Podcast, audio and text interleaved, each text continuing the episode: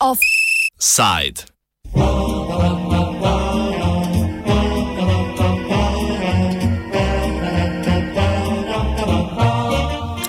Kranci o krajinah. Je še premajhen, Državni svet je soglasno potrdil predlog zakona o ustanovitvi pokrajin, ki ga bodo zdaj obravnavali občinski sveti po državi. Predlog predvideva ustanovitev desetih pokrajin in poseben status za največji mestni občini Ljubljano in Maribor. Predlog je oblikovala posebna strokovna skupina, v osnovi pa gre za isti predlog o ustanovitvi pokrajin, ki je na mizi že zadnjih nekaj let. Na zadnje je bil predlog z dodatkom posebnega statusa mestnih občin in nekaterimi spremembami pokrajin popravljen konec lanskega leta, ko se je tudi začel postopek za njegovo sprejetje.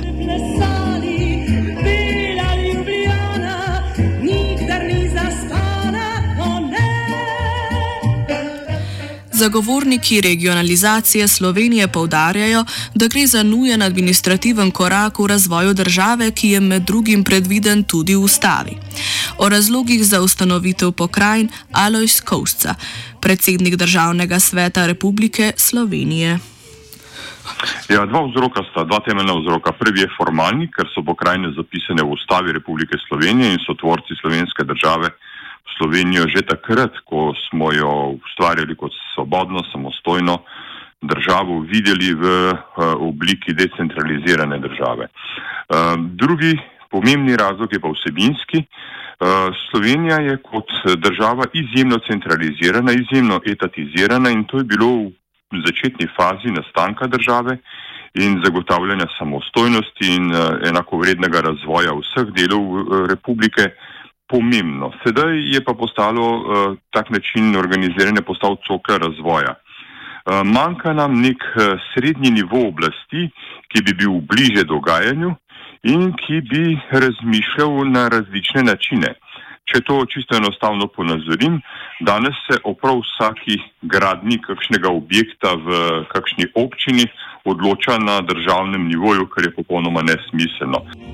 Pa Da bo regionalizacija prinesla bistveno več koristi kot negativnih posledic, se strinja tudi dr. Gora Strpin z Inštituta za upravno pravo, sicer pa član strokovne skupine, ki je oblikovala predlog. Eh, pridobitve so večplastne. Kot prvo, seveda, gre za, bom rekel, politično pridobitev, ker se določeni interesi oblikujejo na različnih ravneh in tudi na regionalni ravni, kjer pa mi nimamo instrumenta za njihovo uresničevanje oziroma uveljavljanje. To je prvi del.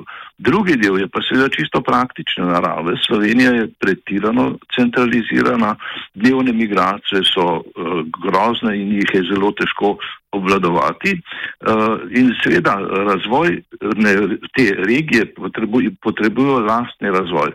Predvsem iz tega tudi razloga, ker je Slovenija tako v bistvu raznolika. Raznolika je od seveda pokrajine, pa če hočete tudi do mentalitete ljudi, pa celo jezika. Načrt uveljavljanja nove ureditve je postopen, saj naj bi končno podobo pokrajine pridobile kakih deset let po njihovi ustanovitvi. E, pokrajina v bistvu organsko raste. Z zakonom o ustanovitvi pokrajine seveda ne bodo prišle vse pristojnosti na pokrajino, ampak se bo to dogajalo v bistvu postopoma. Zakaj? Zaradi tega, ker eh, zakonodaja ureja določene dejavnosti, kot je zdravstvo, šolstvo in tako naprej, ne tudi, če hočete, policija. Ne? In v tem trenutku, ko ima zakonodajalec na voljo novo orodje, potem razporeja te pristojnosti na občine, na eh, pokrajine in seveda tiste, ki jih pridrži, pridrži centru. Eh, dejstvo je, da eh, razvoj nujno zahteva te manjše, manjše pokrajine, tudi zato, da ljudje lahko uresničujejo vse svoje potrebe znotraj lastnega okolja, ne pa da morajo kar naprej potovati sem in tja. Dodelitev opisanih pristojnosti bo seveda zahtevala tudi svojo politično ureditev, kar pomeni pokrajinski zbor in politično vodstvo novih entitet. Seveda bi imeli tudi parlament, kot so normalni demokraciji, tudi nekega predsednika, glavare, kakorkoli ga že to, eh, to imenujemo. Eh, jasno pa je, da bi se tudi politični proces odvil na regionalni ravni. Si predstavljate, lokalni politični proces se odvija na lokalni ravni za lokalne potrebe, centralni na centralni ravni za centralne potrebe in tu vmes mi nismo imeli nič. Zdaj se bo seveda lahko odvil tudi politični proces na regionalni ravni, ker imajo tisti, ki živijo v določeni regiji, skupne interese, ki so različni od drugih regionalnih interesov v Sloveniji. Po izkušnjah iz drugih evropskih držav je regionalizacija lahko koristna predvsem pri organizaciji medobčinskih služb, za katere je večina slovenskih občin enostavno premajhnih. Povezovanje občin se sicer že dogaja z ustanavljanjem medobčinskih uprav. Poleg tega bomo z regijami lahko učinkoviteje črpali evropska sredstva, saj so slovenske občine za številne projekte ponovno premajhne, država pa prevelika.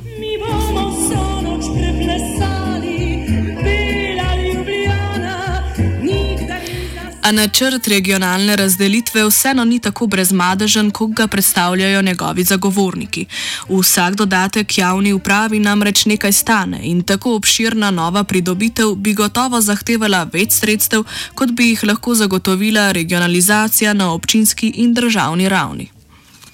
Seveda tudi v državnem svetu eh, svetniki ne spremejo vsake novitete kar tako, da je vse za nekaj dobro. Eh, pojavljalo se je temeljno vprašanje, ali je smiselno in ali je ekonomsko upravičeno postavljati novo umestno raven oblasti, ali to ne bo povzročilo več eh, birokracije in dejansko večjo odtujitev oblasti od, eh, od ljudstva. In na ta vprašanja smo se vse čas trudili odgovarjati. Kdorkoli bi rekel, da pokrajine nič ne bodo stale, se bo zlagal. Seveda bo nov administrativni nivo stal ampak ta denar ne bo neki novi denar, ki bi ga bilo potrebno dodatno pobrati z dodatnimi davčnimi obremenitvami, pač pa se bo prerasporedil delno iz uh, državnega nivoja na pokrajinski in delno iz občinskega nivoja na pokrajinski. Posamezne občinske službe bodo postale združene v pokrajinske službe in bodo s tem tudi občine razbremenjene. Tako da jaz mislim, da, da če vse skupaj postavimo na tehnico, koliko novih zaposlitev to pomeni, koliko prerasporeditev to dejansko pomeni, um, koliko denarja bo potrebno zagotoviti za funkcioniranje pokrajinskih organov, um, na tehnici to vse nekako uh, odtehta učinkovitost upravnih postopkov, ki bodo izvajani na pokrajinah in bo neprimerno višja, kot je sedaj na, na ravni države. Na vprašanje o smiselnosti ustanavljanja nove administrativne ureditve pri nas pa je težko odgovoriti, predvsem zato, ker ne vemo točno, kakšno moč in katere pristojnosti bo ta imela. Čeprav podporniki pokrajin po eni strani povdarjajo mnogotire pozitivne učinke njihovega obstoja, po drugi strani zatrjujejo, da pokrajinskih mej praktično ne bomo čutili. Pokrajine kakorkoli že bodo, in to bo politična odločitev, ne samo strokovna, kakorkoli že bodo razmejene, kjerkoli že katera občina bo, to ne pomeni, da se bo med pokrajinami zgradil berlinski zid in da nikoli več ne bo možen prehod ene občine iz pokrajine v drugo pokrajino in da ne bo možno več ad hoc sodelovati med občinami tudi čez meje pokrajin. Uh, to, to je vsekakor um, bojazen, ki nima nobene uh, realne podlage. Eh, sodelovanje med občinami tudi čez meje pokrajin po posameznih projektih bo seveda obstajalo še naprej in po mojem mnenju bo še lažje.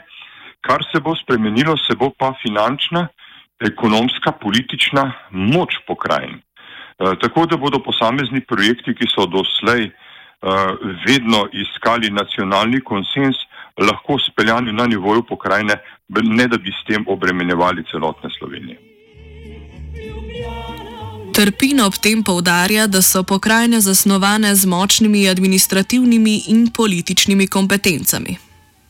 E, stopna razvoja pokrajine bo odvisna od njenih prebivalstv in njenega upravljanja. Tako kot gremo danes e, po Sloveniji in vidite, kako so nekatere občine naravno zacvetele. Iz preprostega razloga, ker so bile izvrstno vodene.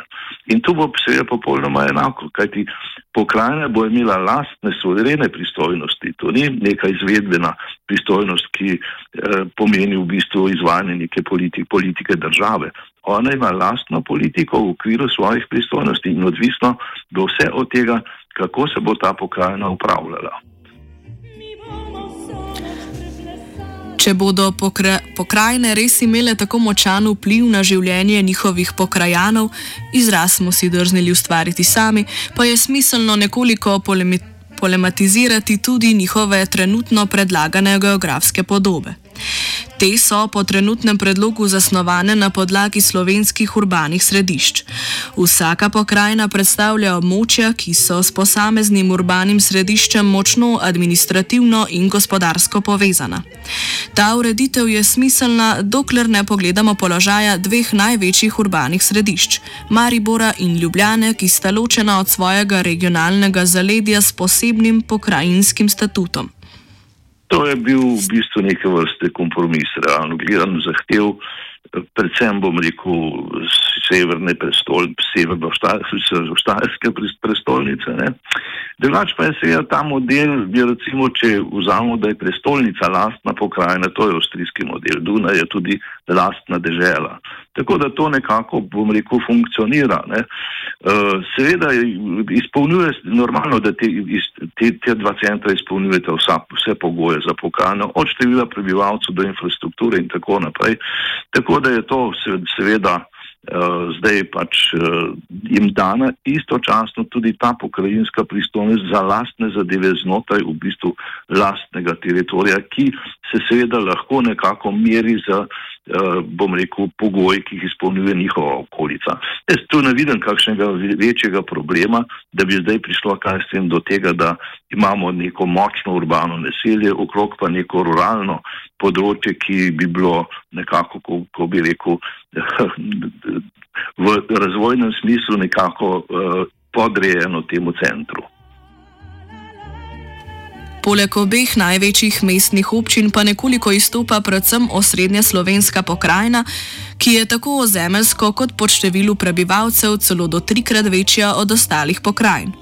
To je predvsem posledica širokega gospodarskega in administrativnega vpliva glavnega mesta, ki nas se veže bistveno širše zaledno območje, na podlagi katerih so bile pokrajine oblikovane.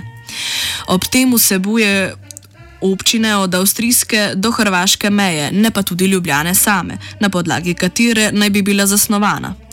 Na to eh, široko območje nedvomno ne moremo trditi, da ima iste razvojne, kulturne in socialne probleme. O točnih posledicah ustanovitve pokrajin in smiselnosti predloga pa do njegove končne razjasnitve in komentarja posameznih občin na njegovo vsebino ne moremo govoriti.